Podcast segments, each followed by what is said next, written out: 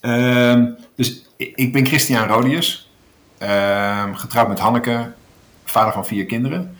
En ehm, woon momenteel in Noorwegen, Oslo. En ben werkzaam bij eh, Hospice Bardo. Daar werk ik als eh, specialist oudergeneeskunde en arts palliatieve geneeskunde. Of ik ben eigenlijk specialist oudergeneeskunde en werkzaam als arts palliatieve geneeskunde. En Hospice Bardo is een hospice dat eh, zowel zorg biedt, zowel voor eh, mensen die een, eh, feitelijk een bed nodig hebben en opgenomen worden, als mensen die ongeneeslijk ziek zijn en in de thuissituatie verblijven, maar wel ondersteuning behoeven. En die ondersteuning kan zijn een huis, huisbezoek of een gesprek, maar het kan ook ehm, meer in de vorm van afleiding of behandeling zijn in Bardo zelf, in wat we dan noemen het trefpunt. En Bardo ehm, eh, richt zich op voorlichting en educatie en voorlichting voor het brede publiek over wat is nou eigenlijk palliatieve zorg en hoe kijken we tegen leven en dood aan. En educatie heeft veel meer te maken met welke scholing vinden we dat we moeten en kunnen geven aan zorgprofessionals. Hallo, welkom bij de Geheelmeestersgesprekken. Mijn naam is Egge van der Poel. Ik ben opgeleid als natuurkundige en filosoof en werk nu al een jaar of tien in de wereld van data science en zorg. Ik ga in deze gesprekken op zoek naar mensen die inspireren, die het anders doen en die buiten hun eigen silo's denken. keren heb ik het wel anders opgenomen hoor. Want normaal gesproken heb ik een heel mengpaneeltje klaarstaan aan mijn kant, zodat mijn audio wat beter wordt opgenomen.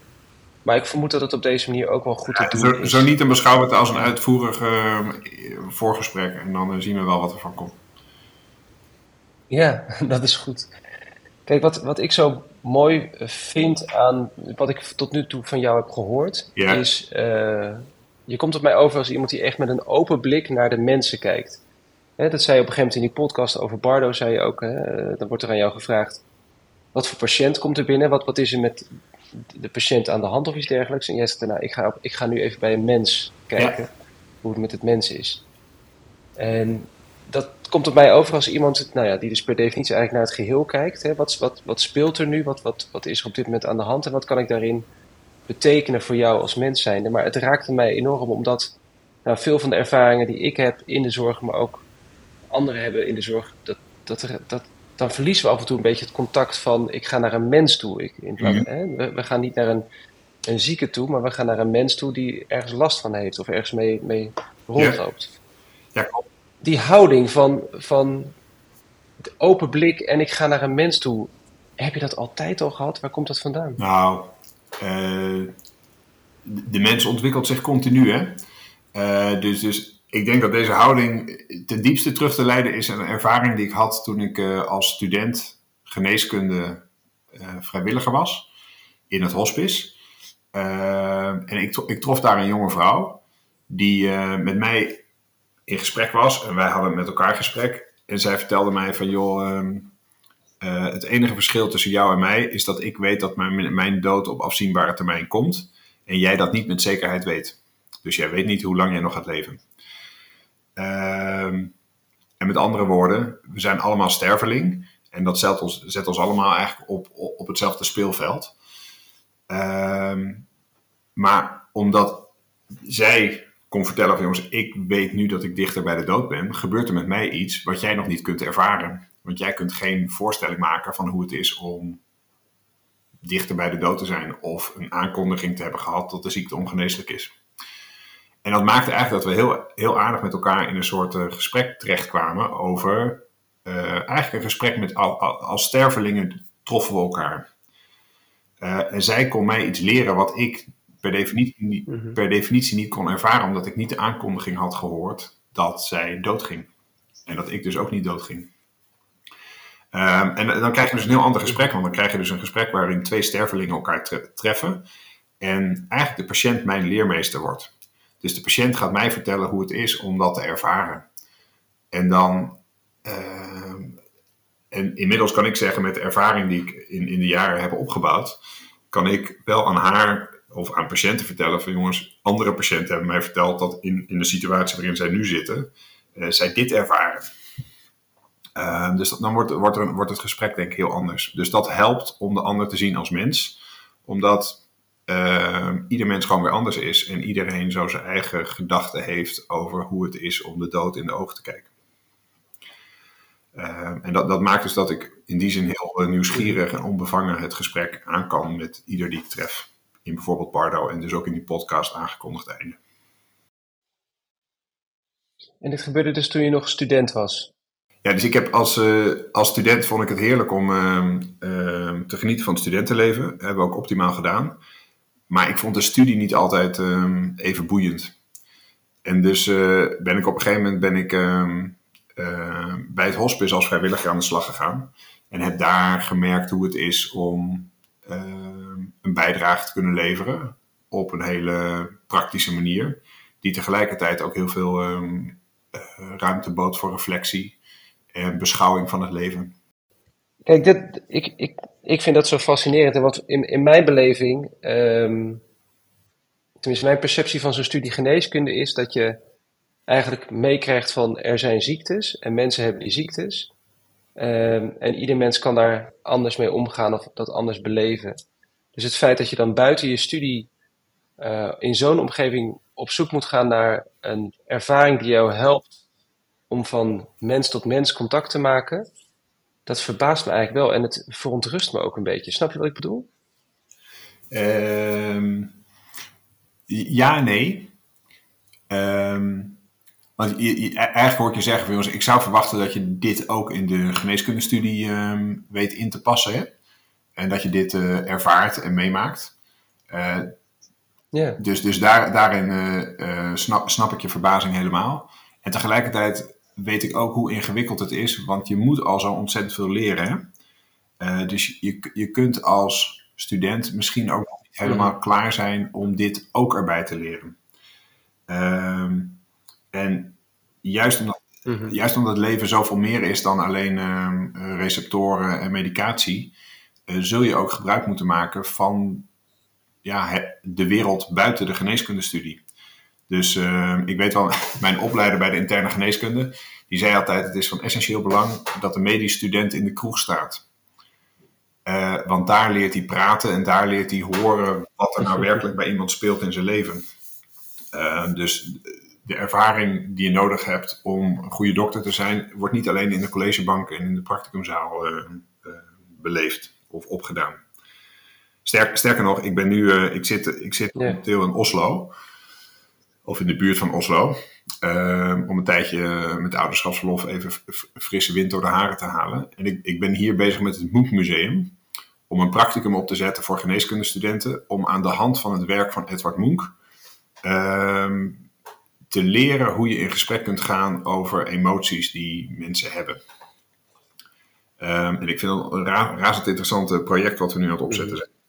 Uh, maar dat, dat raakt eigenlijk aan, aan drie elementen die wat mij betreft in scholing altijd moeten zitten. En dat heeft te maken met kennis, uh, dat heeft te maken met vaardigheden, dus hoe pas ik de kennis toe. En dat heeft te maken met attitude. Dus wat is mijn blik? Wat is de grotere context waarin zowel kennis en attitude plaatsvinden? En ik denk dat kunst als uh, een, een, prachtig middel kan zijn om ons daarbij te helpen en te leren hoe we dat vorm kunnen geven in de geneeskunde. Net als dat er tegen andere disciplines zijn waar je dat ook mee zou kunnen doen. En zo'n practicum ben je nu dus aan het ontwikkelen. En hoe ga je dan te werk? Uh, nou ja, uh, ik, ik, ben hier en heb me gewoon aangeboden bij de Universiteit van Oslo. En heb gezegd van jongens, ik zou best iets willen en kunnen doen rondom communicatie en palliatieve zorg. Uh, omdat ik weet uit ervaring, eigenlijk misschien precies wat jij net zegt. dat zou eigenlijk in de opleiding moeten zitten, maar dat zit er heel beperkt in. Uh, en ik heb contact gelegd en zij hebben, hebben gezegd van jongens, we hebben een, een, een uh, je, hebt een middag in januari waarin we iets willen doen met uh, communicatie en palliatieve zorg. Kom maar met een voorstel over hoe je denkt dat dat eruit zou kunnen zien. Ehm, en ik had met hen gebrainstormd en gezegd, ik, ik denk dat, dat kunst, en met name Edward Munch leent zich daar volgens mij heel goed voor, iets mee zou kunnen doen. En toen zeiden ze van, nou ja, kom maar met een voorstel. En toen heb ik contact gelegd met het Munch Museum. Uh, die waren ook erg enthousiast. Dus eigenlijk ontstaat er nu een uh, fantastisch leuk samenwerkingsverband waarin uh, ik iets van mijn ervaring kan delen, maar dat met name kan doen binnen de context van eh, de Universiteit in Oslo en het Munch Museum. En we gaan dus ehm, ehm, eigenlijk gespreksvoering analyseren zoals we dat ook kunnen doen met een ehm, schilderij. En wat je dan krijgt is dat je eigenlijk verschillende ringen of verschillende cirkels ehm, bekijkt. Een, soort buitenste schil waar je een soort feitelijkheid beschrijft. Dus dat is gewoon, ik, ik, ik zie een meneer op een schilderij. Ehm, en binnen die feitelijke ring zit nog een, een, ring binnen. Dat gaat eigenlijk veel meer over emoties. Uh, dus wat voor emoties roept die man nou bij mij op? Of wat denk ik dat die man ervaart op dat schilderij? En je kunt ook nog kijken van wat voor een wereldbeeld heeft die man dan. En dan heb je ook nog zoiets als wat is dan de essentie? Uh, en kun je dat met elkaar bespreken? Dus ik hoop dat de studenten met elkaar gaan bespreken hoe het is om naar een schilderij te kijken. En los van zeggen van jongens, het is een rode kleur of een, uh, ik zie een boom.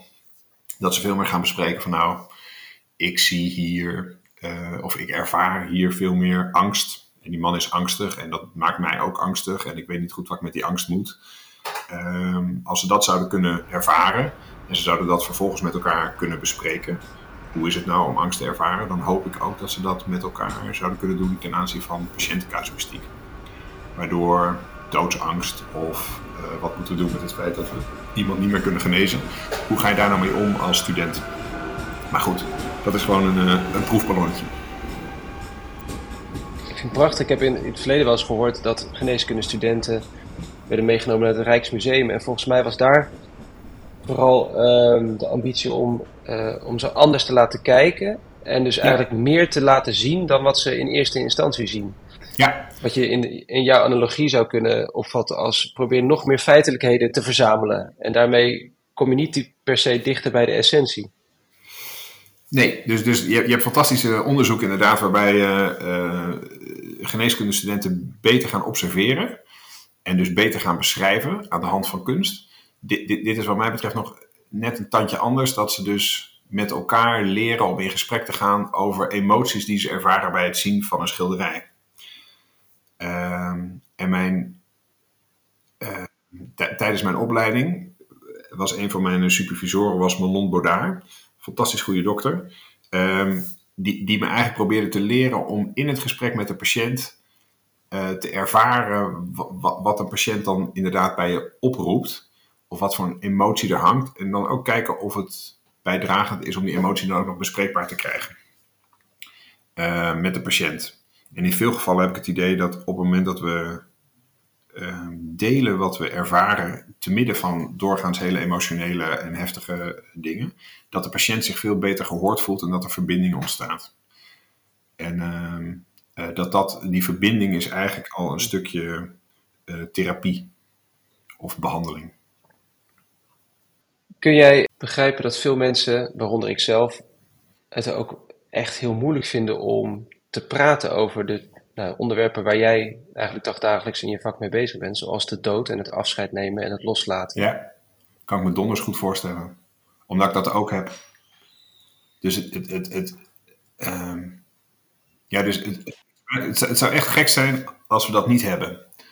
Sterker nog, de podcast die Sylvia Bromet heeft gemaakt, Binnen Bardo, daar is dit eigenlijk een van de rode draden in het verhaal. Dus hoe ga ik om met het fenomeen dat ik het gewoon eng vind om het hospice binnen te stappen? Hoe ga ik om met het fenomeen dat ik de situatie niet op kan lossen, uh, maar dat ik ook ergens voel dat ik er wel moet zijn, maar niet goed weet hoe ik mijn houding moet geven? Uh, dus die podcast is eigenlijk aan de hand van de die Sylvia net aflegt, uh, maken we eigenlijk ja, misschien hopelijk voelbaar dat het wel mogelijk is om met elkaar contact te hebben. Maar dat het makkelijk is, uh, nee, dat, dat, zul je me zeker niet horen vertellen. En als op een of andere manier mensen denken voor mij makkelijk is, dan, dan klopt dat ook. Sorry, vertraging op de lijn. Je, ga, je, je eindigde met dat het voor jou uh, niet makkelijk is, ondanks het feit dat je het veel meemaakt. Dat maakt het niet per se makkelijker.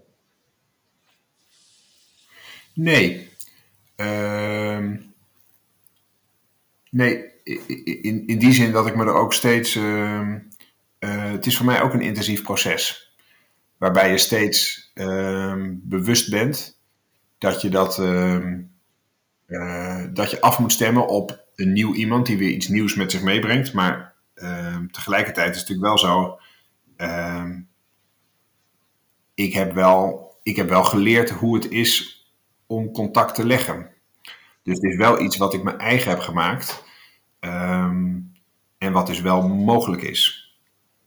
Maar ik, ik kan me prima voorstellen dat, dat mensen. Ik, ik weet, ik weet als, als de dag van gisteren weet ik nog mijn eerste palliatieve patiënt. Ehm, die, waar, die ik onder mijn hoede had. Eh, dat ik eigenlijk niet wist hoe ik er. Ik durfde eigenlijk gewoon die kamer niet op. Ehm, dus ik ben ook gewoon weer weggelopen. Uh, ik heb even om het hoekje gekeken. En uh, toen later op de dag nog met mijn supervisor als oudste co ben ik nog een keertje toen bij, bij hem langs geweest. Maar ik, ik, wist, ik, wist, ik wist mezelf ook geen raad. En dat was terwijl ik wel ervaring had in, in het hospice. Dus dus mak makkelijk is het niet, maar het is wel te leren. En ik hoop dus dat dat ook uh, aandacht krijgt in het curriculum. En gelukkig krijgt dat ook steeds meer aandacht. Hè? Dus er zijn prachtige projecten uh, zoals ehm, O2PZ, het optimaliseren van onderwijs over palliatieve zorg. Maar uh, we zijn er nog lang niet. En als je nou kijkt naar jezelf en je eigen ontwikkeling, uh, je komt het mij over, tenminste van wat ik van je hoor en hoe ik je heb meegemaakt in de podcast, dat je nou mensen echt weet nou, die, te raken, je weet die verbinding te leggen op een heel kwetsbaar moment in hun leven. Het is natuurlijk lastig van jezelf te zeggen misschien, maar waar ben jij goed in en, waar zou je nog beter in willen worden? Oei. Um, nou, ik, ik denk dat ik heel bewust uh, het contact opzoek met de patiënten uh, en met mensen. Dus ik, uh, ik, ik ben uitermate gemotiveerd om intentioneel te handelen. dus alles wat ik doe, hoop ik te doen met overtuiging. Um, en daar, daar, daar kan ik nog steeds uh, leren van Jan en Alleman. Uh, dus ik kan leren van het leven. En ik hoop dat ik dat nog steeds doe. En ik, bijvoorbeeld, ik, hoop nu heel concreet gewoon weer te leren van hoe het is om in een andere omgeving met een curator van een, van een museum iets te gaan doen om te praten over de dood. Met studenten in een andere taal. Ja, ehm, daar, daar ga ik wel van leren. Ja. En ook leren van hoe kijkt nou een kunsthistoricus naar een schilderij en wat kan ik daar nou weer van leren. Dus ja, lang niet uitgeleerd. Nee, en je hebt er heel bewust dus gekozen om samen met je gezin nu een periode ook in het buitenland te zijn. Ja. dus die leerervaring hoop je ook bij anderen op te wekken. Hoe, hoe gaat dat tot nu toe? Ehm, hoe gaat het tot nu toe? Nou ja, misschien nog een klein beetje context over hoe we hier zijn gekomen. Uh, want het werken in Bardo doet, doet doorgaans uh, twee dingen met me. Uh, enerzijds doet het me erg genieten van het leven. En uh, dat betekent dat als ik een Duplo-blokje... Jij hebt kleine kinderen, of tenminste jij hebt kinderen. Ehm, ik heb ook basisschoolleeftijd kinderen. dus als, als ik een luier moet wisselen of een Duplo-blokje ergens onder de kast vandaan moet halen, hè, dan, dan wil ik daarvan genieten. Omdat dat gewoon is wat het leven brengt. Um, dus dat kan heel klein zijn. Maar ik wil ook genieten van grotere dingen, waarin je mogelijkerwijs uh, ogenschijnlijk voor het publiek misschien iets bereikt. Noem het opnemen van een gesprek met jou. Ehm, dus dat, dat is één ding. En het werk in Bardo heeft me ook geleerd dat ik niet uh, ik wil niet achteraf terugkijkend op mijn leven denken van jongens, had ik nog maar iets gedaan met de kennis die ik toen ook al had. Dus had ik maar op mijn veertigste een andere keuze gemaakt met, met mijn werk. Uh, terwijl ik dat toen eigenlijk al wist, maar toen te bescheten was om te doen, zoiets. Uh, en zo hebben we met, met, mevrouw Hanneke hebben we gezegd van nou, we willen eigenlijk nog wel een tijdje naar het buitenland. Uh, nou, die droom hebben we eigenlijk al langer. en dat kan verschillende kanten op en we hebben verschillende gedachten bekeken. Kenia, waar we een tijdje als student hebben gewerkt en andere dingen. Maar we zijn uiteindelijk nu in Noorwegen terechtgekomen, waar we het goed naar ons zin hebben. En waar we volop uh, eigenlijk bevraagd worden op onze vanzelfsprekendheden. En dat is eigenlijk het leuke wat, je, wat er natuurlijk gebeurt als je jezelf uit een bepaalde vaste omgeving haalt. Dat je opeens uh, leert kijken van jongens, oh, ze doen het hier heel anders. En nou, er zit ook nog een gedachte achter ook. Dus waarom doen we het eigenlijk in Nederland zo? Um, dus, dus dat is hartstikke leuk. En, en dat, dat gaat met fricties en dat gaat met, um, ja, wat, wat vind ik hier nou eigenlijk wat van? En, uh, eigenlijk moet je vooral ook je oordeel, je aanvankelijke oordeel moet je ook een beetje inslikken. Want elk, elk positief iets heeft ook weer iets negatiefs. Dus, ehm, ehm, dus dat doen we. En we hebben hier al, uh, het sneeuwt nu ook een beetje buiten. Ehm, dus, dus we hebben al op de, de langlauflatten gestaan en we hebben al dingen gedaan. Dingen die we anders nooit zouden doen. Broodje, eh, vuur maken terwijl het regent in de bossen en tochten lopen, dat soort dingen. Dus we, we, we vermaken ons prima. En wat zijn nou voorbeelden van veranderingen of observaties die je hebt gedaan, waar je, uh, waar je de verschillen merkt? Nou, uh, ja, daar, kan, er lang over, uh, kan, kan, je lang over praten, maar misschien een paar leuke voorbeelden. Nog, de, de, de school was net begonnen, dus na, na de schoolvakantie. En Linde, ons, onze nummer, onze derde, die, ehm, die was uitgenodigd meteen voor een schoolfeestje van een meisje uit de klas. Maar ze kende die kinderen. Dus ze, ze, begint op woensdag, begint, begint de eerste schoolweek. En ze wordt voor zaterdag wordt ze uitgenodigd voor een feestje. En ik denk, wat, wat gebeurt hier? Want hoe, hoe, hoe kan dat meisje uit de klas nou weten dat Linde er überhaupt is en dat ze meteen uitgenodigd wordt? Uh, want in Nederland kiezen we gewoon een paar kinderen en daar, daar, daar zet je een hoedje op en dan hang je een slinger op en we blazen de, de kaarsen uit. Uh, maar hier is dus gebruikelijk dat iedereen uit de klas wordt uitgenodigd. Ja. Dus alle kinderen worden uitgenodigd en de gedachte is dat niemand buitengesloten mag worden.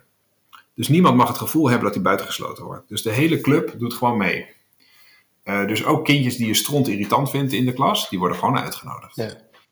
Uh, nou, dat, dat is hartstikke leuk. En ik, ik, ik leer nu steeds meer over hoe dat dan zit in, in die samenleving. Want hier is het ontzettend belangrijk dat iedereen zeg maar gelijk is en iedereen moet meekomen.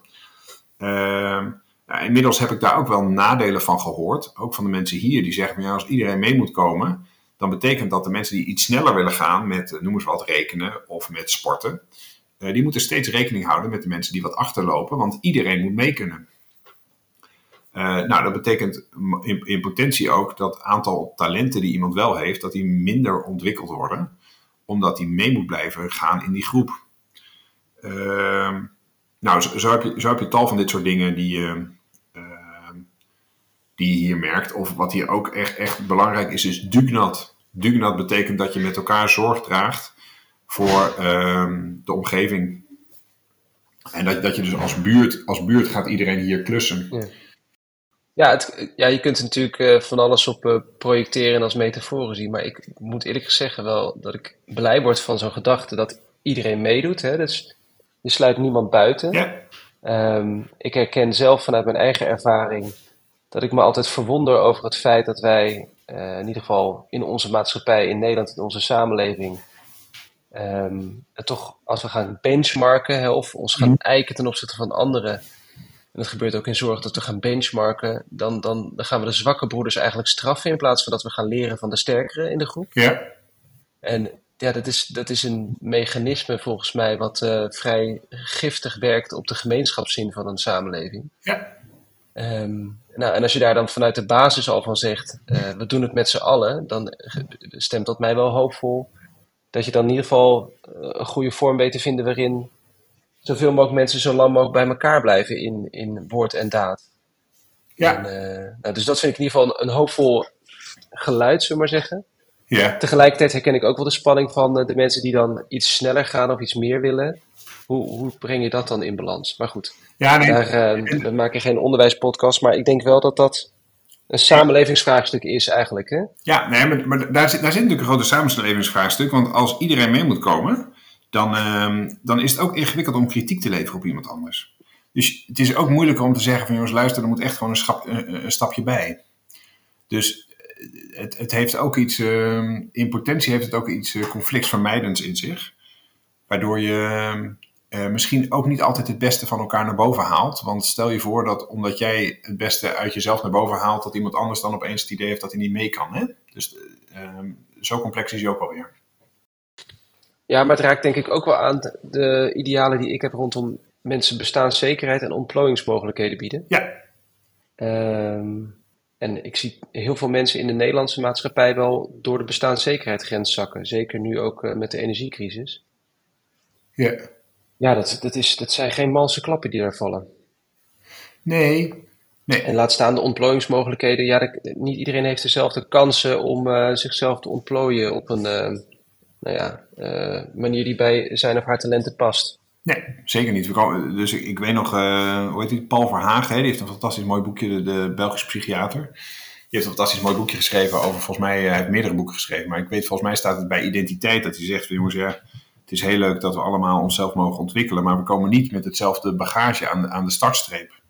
Dus er is gewoon een groot verschil uh, tussen wat jij aan bagage meeneemt om jezelf te ontplooien.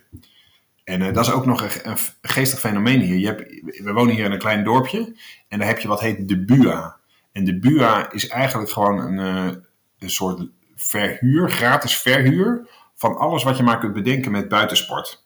Dus als je geen geld hebt om je eigen skis te kopen, dan kun je bij de bij achterlaten van je e-mailadres of zo. Hè, het gaat allemaal op, echt op vertrouwen. Uh, mag je gewoon skis halen, zodat je zelf kunt mee kunt skiën. Uh, zodat het niet zo kan zijn dat jij, omdat je geen geld hebt om skis te kopen, niet kan skiën. En, en, en er zit veel meer um, uh, nog vertrouwen in, zeg maar. Dus ik heb ook een biep, ik heb een bieppasje bijvoorbeeld. En buiten sluitingstijd kan ik gewoon met mijn bieppasje kan je naar binnen. En ik kan, ik kan dus gewoon uh, boeken lenen. Ik kan gewoon de biep in er is niemand. Er is ook geen camera toezicht volgens mij. En als de kinderen, die hebben ook zo'n pasje. En die krijgen dus bij dat pasje, worden ze aangekeken door de bibliothecaris. En die zegt dan van jongens, jij krijgt nu een pasje. En daarmee ben je mede verantwoordelijk voor het goed reilen en zeilen hier binnen de, binnen de, binnen de bibliotheek. En op het moment dat jij naar binnen loopt um, en je leent een boek op het moment dat ja. er niet is, dan laat je het ook netjes achter. Dat is hoe we het met elkaar afspreken. Nou, dat zit heel erg, dat zit heel erg ik zou bijna zeggen, ramt in die samenleving. Uh, en dat, dat heeft hij ontzettend moois. Dus dat is leuk, leuk om dat te mogen ervaren. Ja, het is prachtig toch? Ja, en, en nog even over dat als je vooruit loopt, dat je dan misschien een ander tekort doet of dat het dan spanningen met zich meebrengt. Ik zie daar ook wel een mooie complementariteit met de, de Afrikaanse Ubuntu-filosofie. Ik ben omdat wij zijn. Ja. Zolang, volgens mij mag je prima excelleren, zolang je maar beseft dat je dat doet dankzij de basis die je meekrijgt van ons allemaal als gemeenschap. Ah, kijk, wat een prachtige gedachte. Ja, dus die, dat is uitermate behulpzaam. Ja. Dus uh, uh, oog, oog hebben voor elkaar en elkaar daarin meenemen, dat, dat is natuurlijk essentieel.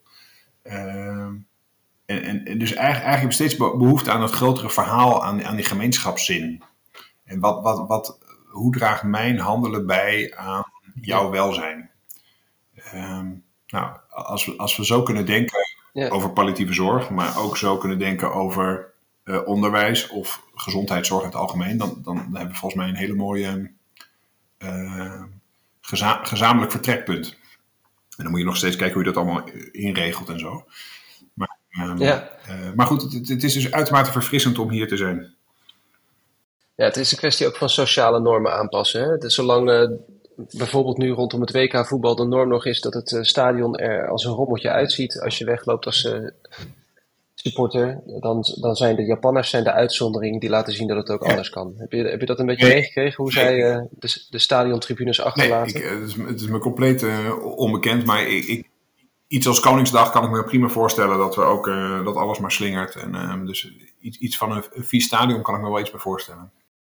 Uh, en de Japanners zijn dus de uitzondering, die, die ruimen het hele, de hele tribune op. Dus die hebben zelf vuilniszakjes bij zich. Die ruimen dus het hele vak, maken ze schoon, vegen ze ja. schoon. En ook de Japanse voetbalploeg maakt dus de kleedkamer spik en span, vouwt alles netjes op. Heeft zelfs na de eerste wedstrijd nog mooie origami-poppetjes achtergelaten. Nou, dus dat soort beelden, hè, dat is de uitzondering. Maar het zou mooi zijn als dat natuurlijk de nieuwe, nieuwe sociale norm wordt. ja, waarvan je kunt ervaren hoe het is als iemand anders het zou achterlaten. Dus dat, maar dat heeft, dat heeft dus eigenlijk ook te maken met zien. Dus wat zien we?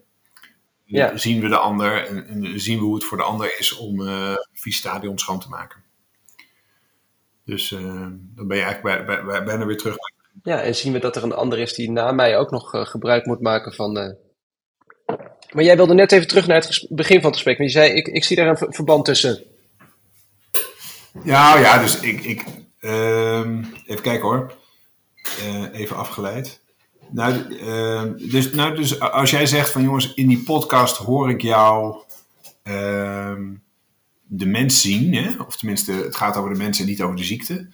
Ehm, dan, dan, dan, raakt dat aan het gesprek wat we nu ook hebben. Van kunnen we, uh, kunnen we onze bijdrage zien in het kader van het welzijn van die ander? Uh, en ik denk, ik, daar gaat natuurlijk uiteindelijk zorg over. Dus als we het hebben nog even over zorg. Uh, ik, zou dus denken van jongens, als we niet het speelveld heel helder hebben. Uh, dan, kunnen we, dan snappen we ook niet welke spelregels er precies zitten. Dus als speelveld zou ik, ik dolgraag willen zeggen van joh Ehm, leven en dood zijn onlosmakelijk met elkaar verbonden. Dus ergens houdt het leven op. Jij bent een man van big data. Nou, je hoeft niet heel veel big data te hebben om te snappen dat ieder, ieder die, die, die, die geboren wordt ook weer sterft. Ehm, dus da daar zit het speelveld. En in dat speelveld wil je de samenleving en wil je de zorg zo organiseren dat we bijdragen aan elkaars welzijn. En dat, dat, dat is op groter niveau, maar dat is ook, ook op kleiner en, op, patiënt, individueel patiëntniveau. Ehm, maar het is steeds weer kijken van hoe, hoe, hoe draagt mijn handelen bij aan jouw welzijn? En wat dat betreft zou ik dus altijd willen pleiten van elke handeling die het welzijn van de ander voor ogen heeft, dat is een behandeling. Um, in ieder geval in de context van de medische zorg. Dus we zijn, we zijn tot het einde aan toe, zijn we aan het behandelen of aan het handelen. Dus niemand is uitbehandeld. Niemand, niemand valt dus buiten de boot. Uh, nou, als we dat helder hebben, dan, dan kunnen, we, kunnen we volgens mij de zorg op een hele andere manier uh, benaderen. En dan moeten we vooral gebruik maken van de protocollen die er zijn, want het is allemaal veel te ingewikkeld geworden om het allemaal bij te houden. Uh, maar uh, een, richtlijn moet geen wurgsnoer worden. Dus als we, de, als we de mens vergeten en ons alleen maar richten op bepaalde feitelijke voorschrijven van medicatie of behandelingen, dan, dan missen we dat, de grotere context van de grote behandeling, namelijk het welzijn van de ander.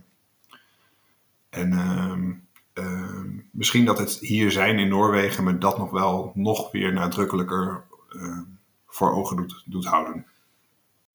Het beeld wat bij mij opkomt is, uh, ik, het is niet echt een citaat uit het boek van Lindberger over de, over de zorg, maar het beeld van uh, dat de zorg geen stelsel is, maar een weefsel. Ja. Dat vind ik zo'n mooi beeld. Ja, ik ken het boek niet, dus, dus kun, je dat, kun, je, kun je dat iets meer woorden geven? Nou, dat zorgt dus in alles zit. Hè? Dus um, zonder dat we alles moeten medicaliseren, want daar ben ik geen voorstander van. Maar zorg zit in alles. Het, het, het zorg is het zien van de ander. Het, het, zorgen voor elkaar is de basis van een gemeenschap. En dat doe je door uh, aandacht te hebben voor elkaar, uh, door uh, nou ja, medische zorgtaken van, voor elkaar te, te leveren, zullen we maar zeggen, of te, te bieden.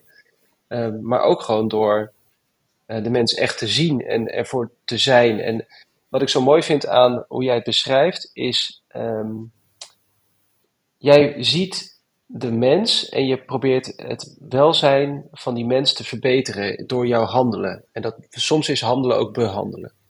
Maar wat volgens mij ook andersom geldt, is dat als, wij beseffen dat ons handelen van invloed is op het welzijn van een andere, uh, van een ander, dan moeten we denk ik ook beseffen dat het handelen van de ander van invloed is op ons welzijn. Dus er zit een wederkerigheid bij definition in. En ik mis soms de wederkerigheid in het denken en doen van uh, onze leiders heden ten dagen. Uh, want waar jij over spreekt is natuurlijk toch wel een beeld, een soort mensbeeld ook waar je van uitgaat. Er zijn natuurlijk ook heel veel mensen die ervan uitgaan dat als je als individu je eigen geluk nastreeft, dat dat het beste is wat je kunt doen. Hmm.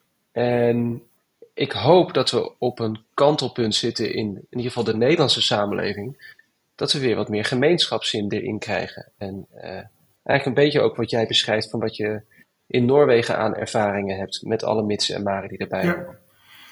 Ja, ja uh, no man is an island. Dus ik weet even niet precies waar die vandaan komt. Hè? Maar dus, dus je, je leeft per definitie in verbinding. Ehm, en, en, en daarin kan, um, um, om zover ik daar uh, de Nederlandse discussie een beetje goed aanvoel, hè, daar, daar kan zeg maar de Randstad echt nog een heleboel leren van uh, het platteland op een, ik weet niet precies, dus, dus het naboorschap. dus, dus misschien nog e-, even over ons handelen. Dus, dus denk het in dat weefsel. Ik vond het, dat zit ook al een beetje in die podcast verweven, maar er was op een gegeven moment een man en die, die kon geen plek vinden voor zijn ongeneeslijk zieke vrouw.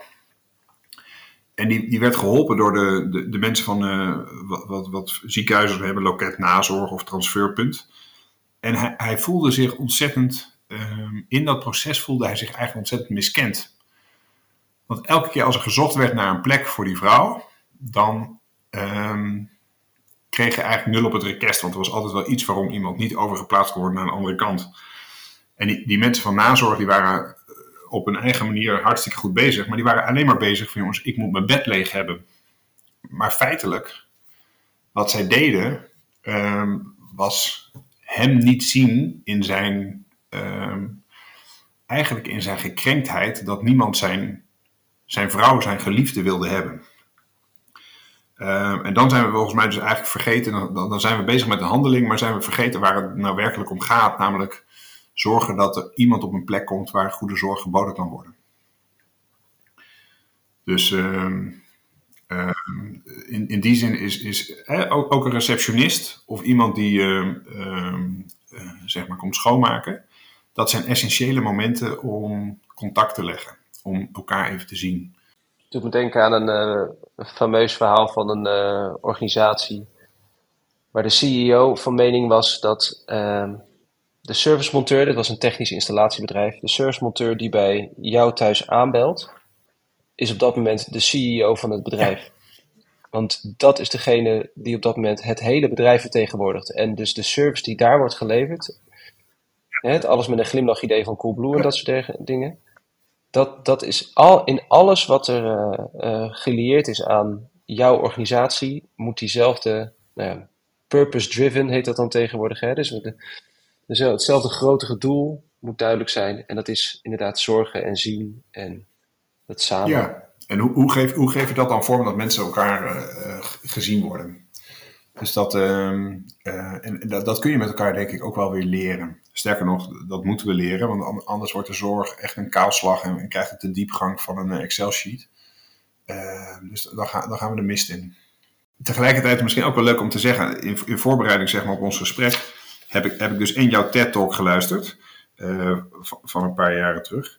Ehm, waar, waar, waarin je ook terecht zegt, dus de studies die we doen, die, die zijn doorgaans in de praktijk maar voor een heel beperkt deel. De, de, de, patiënten die we zien in de praktijk, die passen doorgaans niet in de studies die gedaan zijn. En vervolgens is er ook nog weer een, een hele grote tijd, duurt het voordat de studies die gedaan zijn eigenlijk de praktijk bereiken. En tegen de tijd dat ze de praktijk bereiken zijn ze ook alweer outdated. Um, dus, dus dat de kunst is van jongens, hoe kunnen we nou de data die er misschien wel is, of de technologie die er wel is, op een goede manier inzetten. En um, Um, nou, dus misschien twee dingen die ik erover wil zeggen. En, dat, we, uh, dat ik dat uit eigen ervaring ook ken. Dus ik ben destijds ge geopereerd aan een meningioom. En uh, niemand, toen was ik 33. En ik, ik, ik, ik vond de revalidatie vond, ik een uitermate hobbelig proces. Waarbij ook de huisarts me eigenlijk niks kon vertellen over van wat is nou werkelijk de verwachting. Hè? Dus hoe lang duurt het voordat jij uh, hersteld bent van je meningioom. En dat duurde me eigenlijk, eigenlijk veel te lang en ik was veel te ongeduldig. Um, en toen ik daar naar vroeg, was eigenlijk niemand, niemand kon me vertellen wat iemand nou op mijn leeftijd, wat hij nou kon verwachten. En later sprak ik met een huisarts die zei van, jongens, ik had een patiënt, een jonge gast, en die had een meningioom, die heeft er wel anderhalf jaar over gedaan voordat hij het idee had dat hij weer een beetje op zijn oude niveau was. Toen zei ik, verdorie, dat is nou precies hoe lang ik er ook gevoelsmatig over heb gedaan om weer een beetje de oude te worden. En het had me enorm veel geholpen als ik niet had gedacht na zes weken van jongens, ik, ik moet er alweer zijn. Um, dus hoe leuk was het geweest als dat soort kennis yeah. op een of andere manier beschikbaar was geweest, zoals jij in je TED-talk ook uh, je hart voor maakt. Uh, om dat te doen. En dat, dat is nog even nog weer een linkje terug naar Noorwegen. In Noorwegen heb je het kernjournaal. Ik krijg als nieuwe inwoner van Noorwegen krijg ik een, een, een portaal toegewezen. En dan mag ik zelf bepalen welke informatie daarin moet staan voor het geval dat op het moment dat ik op welke eerste hulp in Noorwegen dan ook terechtkom, welke kennis beschikbaar moet zijn voor de hulpverleners op dat moment. En dat heeft dus te maken met contactpersonen, maar dat heeft ook met medische voorgeschiedenis. Ik mag dat zelf invullen. Hoe stoer is dat? Dus dat, dan hebben, we een heel ander EPD-achtig iets, wat we in Nederland, waar we zoveel moeite mee doen, uh, om dat toch op een of andere manier uh, eigenlijk mogelijk te maken dat de mensen die mij op dat moment behandelen, mij kunnen zien voor wie ik vind dat voor hen belangrijk is om te zien. Uh, nou, dus dat, dat vind ik nog een leukigheidje om nog even te noemen naar aanleiding van mijn voorbereiding op ons gesprek. Ehm, en misschien nog een andere. Dat, we met het hospice ook. er is ons, dus hospice zijn verenigd in een associatie. Ehm, en die hebben samen met de Technische Universiteit Delft hebben die een studie gedaan en die heet Met Hart en Tech. En met Hart en Tech hebben we geprobeerd om enerzijds te beseffen dat er ontzettend veel technologie al gebruikt wordt hè, in de zorg. Uh, en dan kun je van, bedenken van een, een bureaustoel die kiept en kantelt, tot een bed wat kantelt, maar ook domotica om mensen uh, beter te helpen of sneller een kopje koffie of wat dan ook te geven. oproepsystemen. Maar we hebben in dat project ook bekeken van jongens, welke hindernissen ervaart nou de praktijk bij de implementatie van zo'n nieuw, nieuw technologie? Dus waar loopt het op stuk? En, en hoe kunnen we leren van het feit dat bepaalde technologie wel degelijk bruikbaar is of kan zijn, maar dat we daar in de praktijk toch nog vaak tegenaan lopen? Dus uh, uh, mede door het project Hart en Tech hebben we ook in die podcast kun je horen dat we creatief proberen na te denken over een mevrouw die eigenlijk naar Portugal wil of we die nog met de VR-bril iets kunnen laten ervaren van Portugal, wat haar op dat moment kan helpen uh, in die laatste fase en, bij kan dragen aan haar kwaliteit van leven. Dus uh, ik denk dat er nog veel meer kan, en misschien ook wel tussen aanhalingstekens moet, om die zorg te verbeteren en eigenlijk vorm te geven aan het zien van elkaar. En daar kunnen we natuurlijk data of technologie natuurlijk veel, veel meer bij gebruiken dan wat we nu doen. Ja, ik zeg altijd big data in combinatie met small stories. Hè? Dat, dat zorgt denk ik voor uh, ja. de manieren om, uh, wat mij betreft, sneller te leren. En, en dat leren uh, gebeurt alleen maar als je elkaar echt ziet en elkaars behoeftes begrijpt. Ja, ja en, en, en dan, zou, zou ik er bijna nog aan toe willen voegen, dat, dat moeten dus ook de behoeftes zijn van de zorg, zorgmedewerkers. Hè? Om, omdat Absoluut. Het, het, moet zo opgehaald kunnen worden, die data, dat we niet nog meer vinkjes moeten zetten of nog meer uh, gekkigheden moeten doen in de administratie. Christian, we zijn uh, atypisch begonnen aan dit gesprek. Dus we gaan denk ik zo ook atypisch afronden. Was er uit je huiswerk nog iets naar voren gekomen wat we nog niet hebben besproken? Of jouw voorwerk? Nee hoor, ik, ik, ik vind het ontzettend leuk. Maar dus het, het enige wat... Uh, ik, ik, ik, ik zit nu wat meer op natuurlijk de bevragende, of hè, op de, de stoel waar naar gevraagd wordt. Maar ik, ik ben ook nog wel. Um, um, ik zit dus in, in, Noorwegen, dus ik heb, je, ik heb je boek hier niet binnen en ik heb ook niet gelezen. Maar ik ben wel nog heel benieuwd hoe dat nou. Um, uh, wat erin staat en, en hoe, hoe het zeg maar nu met jou is, of met, met, met de ontwikkelingen. Geen flauw idee hoe dat precies werkt. Maar nou ja, goed. Dus daar, daar had ik, had ik als, als dit nou gewoon een vorige. Dan kan ik wel wat over Dan was het wat anders geworden, want dan had ik je daarna gevraagd. Maar dat, um, dat kan ook een andere keer. Maar, dus, dus... maar ik kan daar wel wat over zeggen hoor, als, als het je interesseert nog. Ja, zeker. Nou ja, ik, ik vind het leuk om, uh, om er nu wat over te zeggen. En als jij op een ander moment nog een keer tijd voor me wil maken, dan sta ik er ook helemaal voor open. Kijk, dat boek, uh, nou je kent een beetje mijn achtergrond. Uh, ja. Dat boek heb ik geschreven met twee anderen, waarvan één van de drie, Nart, is echt de schrijver. Ja. Martijn is toevallig ook een neef van mij, maar is, is veel meer bedreven in, ehm, zeg maar, advies richting initieel medisch specialistische bedrijven, dus de specialist. Toen wat meer ook richting zorginstellingen en ziekenhuizen. Heel veel op het IT-gebied gedaan. Hè? En dan IT slash nieuwbouw is dat toen geworden. Dus hij, hij, beweegt zich steeds meer toe van het belang van een groep naar het belang van het geheel, zullen we maar zeggen. Ja. En zo hebben wij de afgelopen jaren af en toe aan een uh, bar uh, wel eens gesprekken gehad over nou, wat als wij nou onze ervaringen bundelen en daar eens een boek over schrijven. Nou, dat is dankzij corona is dat uiteindelijk gebeurd. Hè? Toen hadden we toch wat meer tijd uh, ja dan ons lief was, zullen we maar zeggen. Maar uh, toen zijn we dus samen met Nart dat boek gaan schrijven. Dat boek, dat is, nou ja, dromen, ontwaken, ontwerpen, dat heb je gehoord in de verschillende de, dingen die je hebt geluisterd erover. Waarbij uh, dromen eigenlijk voor ons, nou het zal je niet verbazen, gaat over een aantal dingen zoals data uh, moeiteloos aan elkaar knopen, maar ook kwaliteit niet als een afvinklijstje zien hè, en eerlijk zijn over wat er wel of niet kan. Hè? Dus dat is ook een belangrijk element. Ja. Um, dus een soort overhoring is het een beetje, maar ik ken ze niet allemaal uit mijn hoofd hoor. Maar in ieder geval ook dat we niet moeilijk doen over privacy. Hè? Dus dat we snappen dat er een wisselwerking is, of in ieder geval een, een contextuele uh, wisselwerking is tussen privacy en, en het, het, groepsbelang. Dus dat solidariteit ook een onderdeel is van het verhaal over privacy.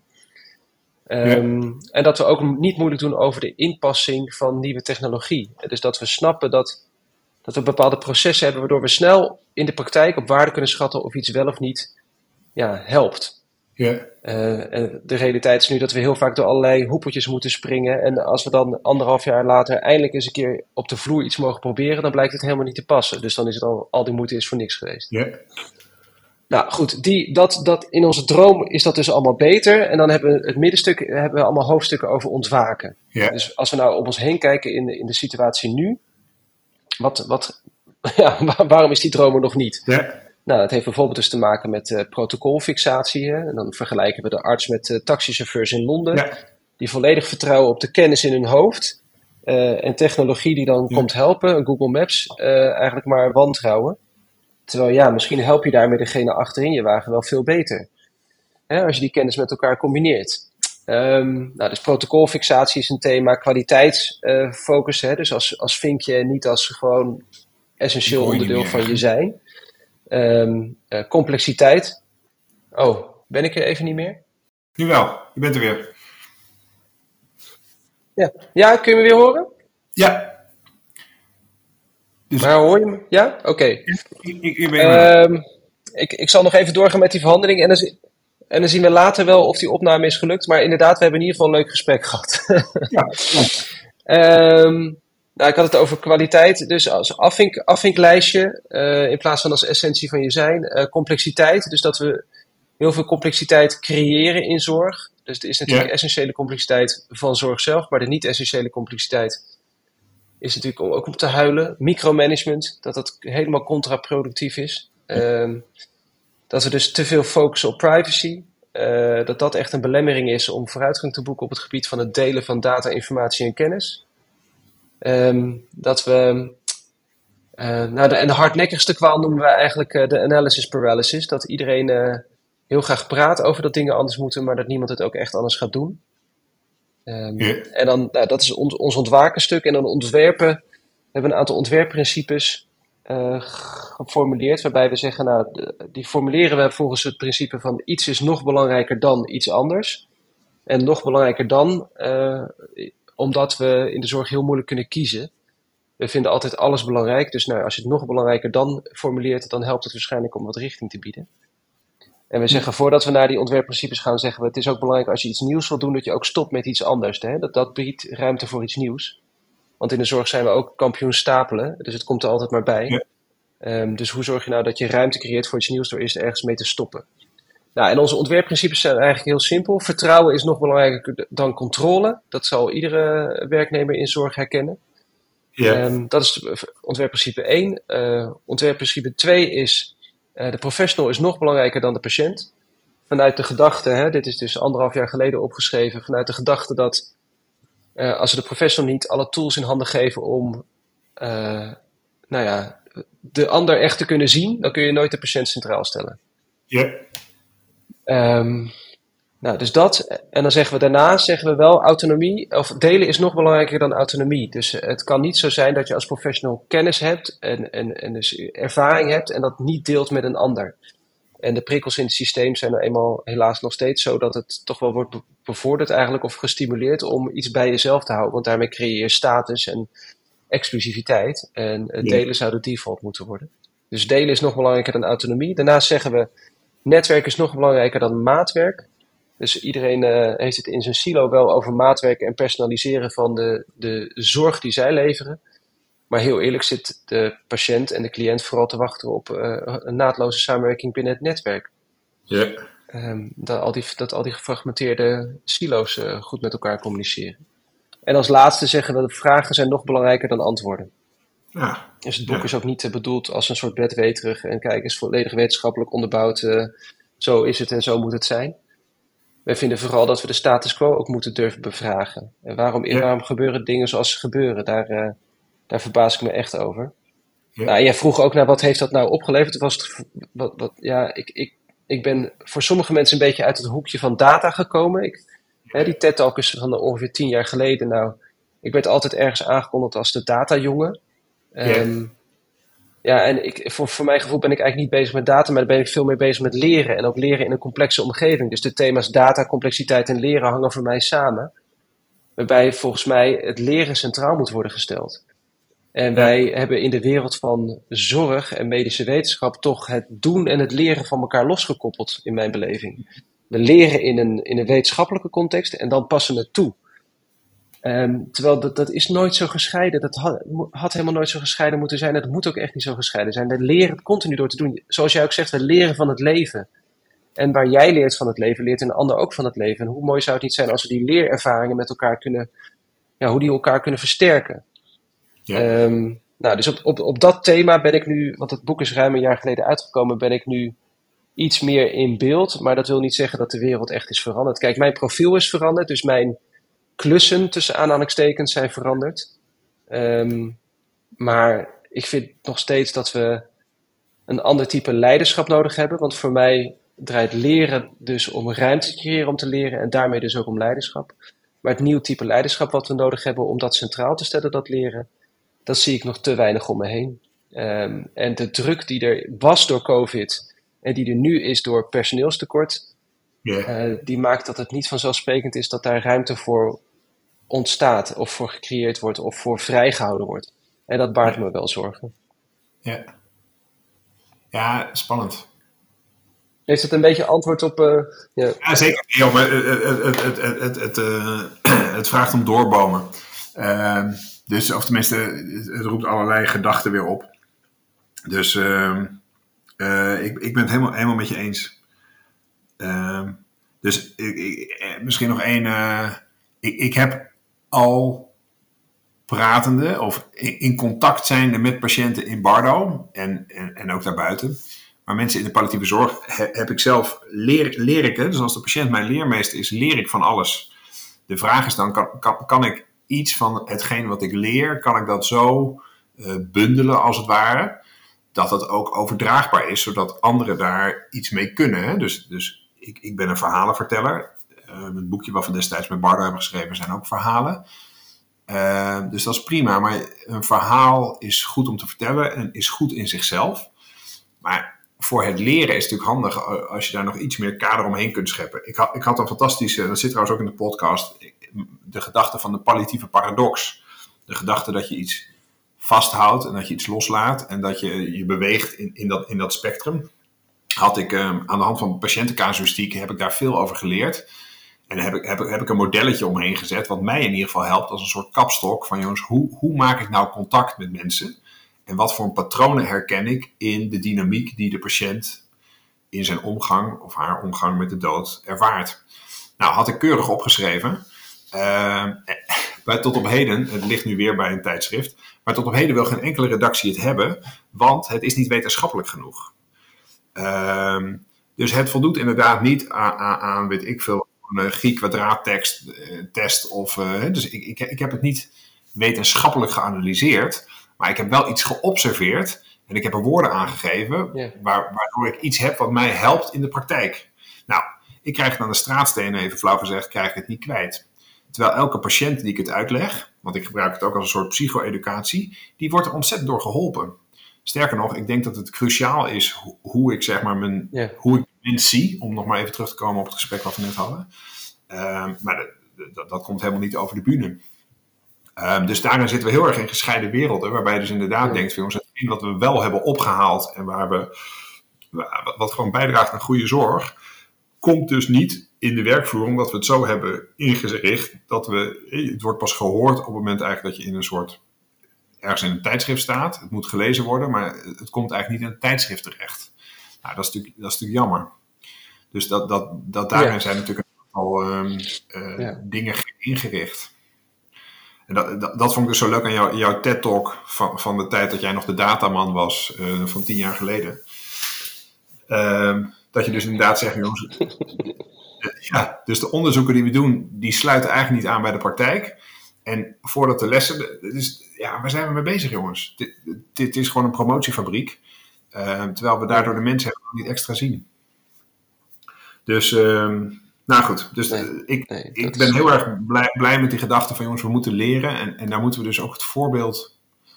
eh, we moeten onderling het voorbeeld laten. We moeten laten zien dat we mogen leren. En dus ook fouten maken. Dus. ehm, Ja. eh, Ja. En nou goed, dan kom ik weer terug op Noorwegen. Hè. Dat, dat, dat, dat spelen en dat leren zit hier heel sterk verankerd. Dus er hangen gewoon enorme plakaten op school. eh, waarin staat, we, we, zijn niet, we zitten niet in een vastgeroep denk, denkbeeld. Het gaat ons om spelen. Het gaat om oefenen. En het is niet erg als het fout gaat. Want dan heb je gewoon geleerd van jongens, volgende keer moet ik het anders doen. Dus die kinderen die, die, die buitelen over elkaar heen eh, op de rare dingen. Ehm, die lopen met sneeuwballen. Die zijn heel veel buiten. Gewoon hoe leren we interacteren met elkaar. Eh, Dus het, gaat het gaat helemaal niet eh, over jou, jouw cijfers. Ze doen hier volgens mij niet eens aan, eh, aan cijfers. Ik geloof niet dat ze een diploma krijgen. We hebben twee keer per jaar een gesprek waarin eigenlijk verteld wordt: gaat het goed? En, en, en kunnen ze een beetje in de groep meekomen en dragen ze positief bij aan de groep? Ja, dat is natuurlijk een heel ander fenomeen dan dat je al- als. dus onze jongste, die is vier. Toen ik wegging, had hij al een soort citootje gehad op de crash. Een citootje op de crash. Toch Normaal. Gaan we dan al mensen plotten? Dus Ja. ja, daar zijn helemaal niet in geïnteresseerd hier. Ja. Dus dat, dat, dat is leuk. Maar dus, ik ben dus heel benieuwd, want ik, ehm, als je doet wat je deed, dan krijg je wat je kreeg. Dus als jij het zegt, van, jongens, ik heb nieuw leiderschap nodig, hè, of ik zie eigenlijk geen nieuwe leiders, het is ook niet zo makkelijk om eh, het systeem te doorbreken. Tenminste, ik weet nog dat ik als co-assistent, net nieuwe witte jas aan, kom je in zo'n ziekenhuis. En ik weet nog dat ik bij mezelf dacht jongens, wat is het hier inefficiënt. Dit kan echt anders. En ik was ontzettend, pff, ik dacht van jongens, nou dit gaan, we, dit gaan we eens even opschudden en hier gaan we dingen doen. Eh, totdat, totdat de leuke gedachte bij me binnendrong en zei van jongens, als ik ervan uitga dat ik niet de domste jongen in de klas ben, maar dat ik hier in een systeem terechtkom waar andere mensen ook niet het domste jongetje en meisje van de klas zijn, dan zullen er mensen voor mij zijn geweest die precies hetzelfde hebben gedacht als ik. En het feit dat het systeem dus zo draait zoals het draait, ehm, zegt misschien ook iets over hoe hardnekkig het systeem te veranderen is. En als jij zegt, jongens, ik ben op zoek naar. Hè, dus ik, had, ik had dolgraag gehoopt dat ik andere dingen had gezien naar aanleiding van het boek. Ehm, dan zit daar misschien ook nog wel. Het is niet zo makkelijk om zo'n enorm log apparaat te veranderen, zeg maar, of, of- of een stelsel. Ja, ik, ik heb geleerd do- do- door eh, gesprekken met anderen ook dat, ik, eh, dat, dat zo'n culturele verandering, want dat is het echt, dat het wel 30 jaar kan duren. Ja. Want we hebben nu inderdaad Ja. leiders gekweekt die leider zijn geworden omdat ze iets beter, sneller of gewoon wisten of, of deden alsof ze iets beter of sneller wisten. Hè, de- en we vragen nu eigenlijk Ja. van ze om de houding aan te nemen van ik weet het niet. Eh Ja. Cruijff zei dat al zo mooi, zevens nemen zesjes aan, negens nemen tienen aan. Ja. Dus hoe zorg je nou dat je leiders hebt die zo nederig zijn dat ze anderen willen laten excelleren? Ja, Daar draait het in essentie om. En dan komen we dus toch weer terug bij, je moet helemaal naar de basis van het onderwijs, het spelen en het leren en het uitproberen en samen, niemand buitensluiten. Ja, alleen ga je sneller, samen kom je verder.